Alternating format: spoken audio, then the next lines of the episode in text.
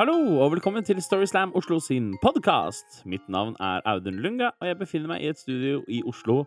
Og her skulle jeg egentlig ha vært sammen med eh, julenissen, men han har ikke kommet ennå. Men hvis vi roper på tre, så kanskje han hører oss, og da kommer han. Én, to, tre. Julenissen! Jeg tror ikke han hørte oss, dere. Jeg tror vi må prøve en gang til. Så der, du som sitter og lytter, om du er på bussen eller hjemme, nå må du også være med og rope. Én, to, tre. Julenissen! Der kommer han! Her er julenissen. Hei, velkommen til deg. Ho, ho, ho. Ja, velkommen til julenissen. Karoline Marie Enoksen. Tusen takk. Herregud, nå kjente jeg at julefølelsen liksom eh, bredte seg i hele kroppen. Ja, det er- passer jo fint, for det er jo jul. Ja. Any minute now, så Ja. er det jul. jula er rett rundt hjørnet. Ja. Er du klar for det? Nei. Nei, ikke sant? Du har eh, ikke vaska Nei, gulvet og bør i ved og Jeg er aldri klar for at tiden går. Jeg syns, er, jeg syns at tiden kan stoppe opp litt. Ja, tiden går så fort. Jeg er ikke klar for neste mandag. Nei, ikke sant? Og jul blir et veldig sånn tydelig eh, signal på at eh, ti- tida går, liksom. Nei, nei. Det er bare det at oh, jul er Altså, når julen kommer, så betyr det at tiden går, det også. Ja. Akkurat som når neste mandag kommer. Ok, Hver, ja, ja. hver, hver, hver, okay. uke. ja, jeg skjønner. Den er grei.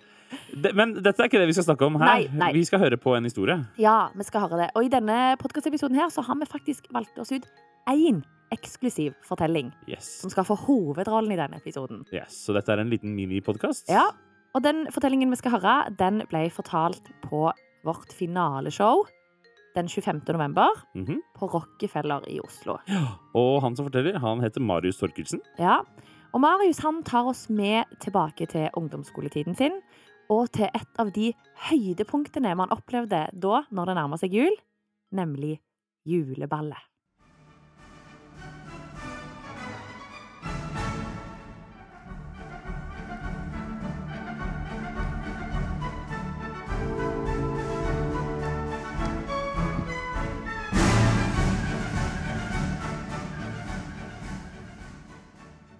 I 2002 så gikk jeg i 8. klasse på VR ungdomsskole. Og der var årets store høydepunkt juleballet. Fordi på juleballet så var det en overhengende sannsynlighet for at man kunne komme i fysisk kontakt med det motsatte kjønn. Fordi i VR ungdomsskoles juleballtradisjon så er det én ting som står som en påle, og det er polonesen. For de som ikke vet hva polonese er, så er det en slags sånn blanding mellom dans og militærmarsj. Hvor man går to og to på lang rekke og lager forskjellige sånn formasjoner på dansegulvet som en form for menneskelige kornsirkler. Og nettopp to og to, det er clouet her, da. Fordi i åtte minutter så kunne man holde hender med den personen man, mest, man var mest forelska i i hele verden, og bare håpe at tida skulle gå så sakte som mulig.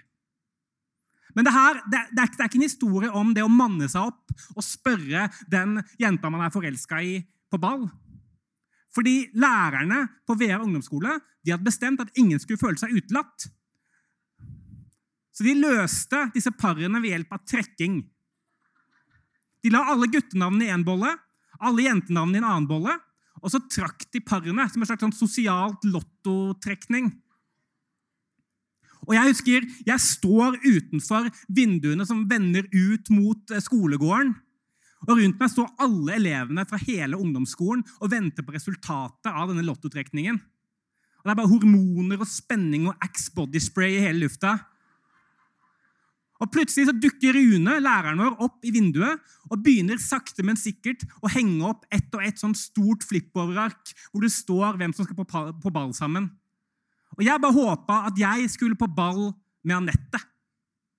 For Anette hun, hun var den jenta jeg likte best av alle jentene på ungdomsskolen. Hun, hun gikk i 9. klasse, og hun hadde et sånn sykt sånn snilt ansikt og de kuleste Buffalo-skoa på hele skolen.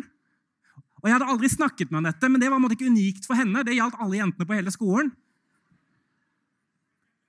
Men jeg bare håpa på Anette. Og på det fjerde arket så står Anette sitt navn. Og ved siden av Anette sitt navn så står det Marius. Og hjertet mitt stopper. Men ved siden av Marius så står det et komma. Det er sjelden godt nytt. Og ved siden av komma så står det Knut. Anette, bindestrek, Marius, komma Knut. For det viser at den 50-50-fordelingen mellom kjønnene den gjelder bare på sånn landsgjennomsnitt. Og I mindre populasjoner så kan det hende at det ene kjønnet er overrepresentert i forhold til det andre. Og på VR ungdomsskole så var det flere gutter enn jenter, som betyr at jeg måtte dele Anette med Knut.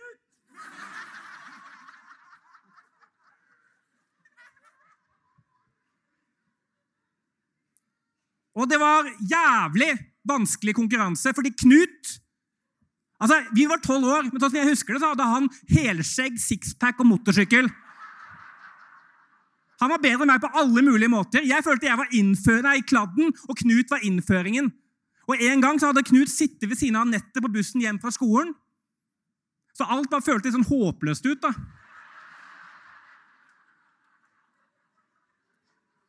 Men det er noen ganger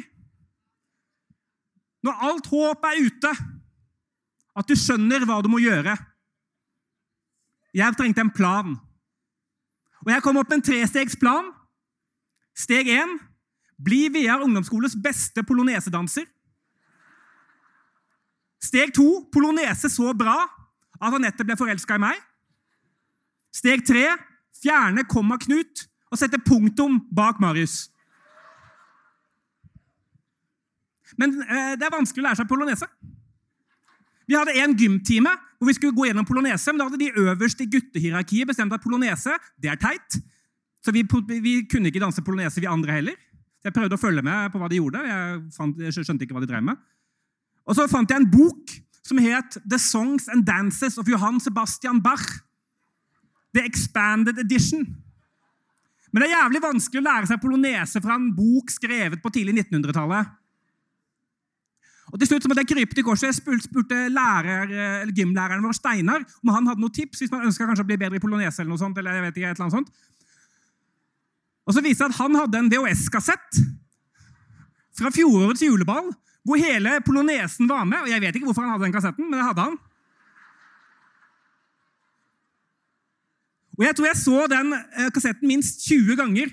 Og Jeg husker jeg, jeg øvde på rommet mitt. Jeg poloniserte rundt på rommet og lærte meg alt. Og, og da den juleballdagen kom, så følte jeg at nå, nå kan jeg alt om polonese. Men idet jeg gikk inn i klasserommet som eh, juleballkomiteen hadde pyntet etter beste evne, så mista jeg all selvtilliten. og Idet Anette kom inn i rommet og kom mot meg, så kasta jeg opp bitte litt i munnen min av ren frykt. Og Jeg husker veldig lite av, av middagen. Jeg husker bare at vi fikk servert meksikansk gryte at Anette var veldig vanskelig å prate med, og at Knut så like bleik ut som jeg følte meg. Og Idet polonesen skulle begynne, så det, kom jeg på at det var én ting jeg hadde glemt å ta høyde for da, i min trening. og det var det at Anette hadde ingen intensjon om å danse polonese med verken meg eller Knut. Så hun gikk sammen med noen venninner. Og Idet alle de andre elevene begynte å danne sånne polonesepar, og denne paraden av poloneseungdommer begynte å bevege seg mot eh, gymsalen, så sto jeg og Knut igjen. Og Knut så skikkelig trist ut. sånn, altså På dette tidspunktet har det der skjegget blitt litt sånn pistrete bart. Og han, han så på meg, og så sa han Jeg hadde jo øvd. For det viste seg at Knut hadde akkurat samme plan som jeg hadde. Og jeg sa Jeg jeg har øvd, jeg òg.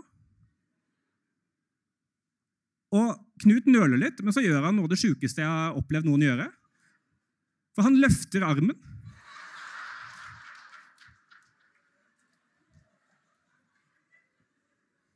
Og jeg legger min hånd i hans hånd, og sammen så marsjerer vi mot gymsalen til tonene av Johan Sebastian Barr. Takk.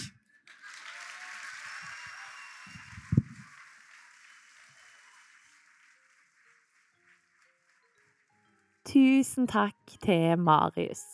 Ja, Karoline, har du noen uh, historier fra ditt juleball, eller dine juleball, som du eventuelt har vært på? Oi, um, historier Nei. Uh, når jeg tenker tilbake på juleballet, så husker jeg bare meg sjøl i liksom med altfor sånn lange, svarte silkehansker som gikk Mm. sånn opp på armen. Sexy. Og veldig mye øyenskygge. Ja. Litt for mye padding i BH-en. og at vi, at vi leide limousin Å ja. ja, for å kjøre der.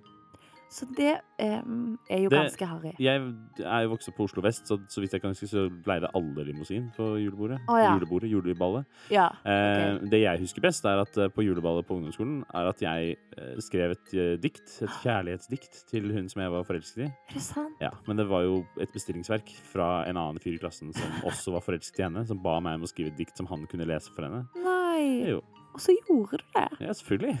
Hva skjedde med de? Er de gift i dag? Eh, det- ja, uh, men ikke med hverandre, altså med hver sin person. Ja, nettopp. Ja. Ja, så da var det ikke så Nei utslagsgivende. Nei, jeg er, skjønner. Jeg Må ikke gi, til, tilskrive poesien min så stor kraft. Nei, nei, nettopp. Men ok, men la oss lage en avtale her og nå, da, Audun. At neste gang vi blir invitert på et juleball, så Ja. går meg og deg sammen. Yes, da har vi en avtale. Neste gang vi skal på juleball med ungdomsskoler, så går vi sammen. Ja. det blir strålende. Det blir rart og litt perverst. Ja. Skal vi ta juleferie da, Audun? Ja, Det gjør vi. OK.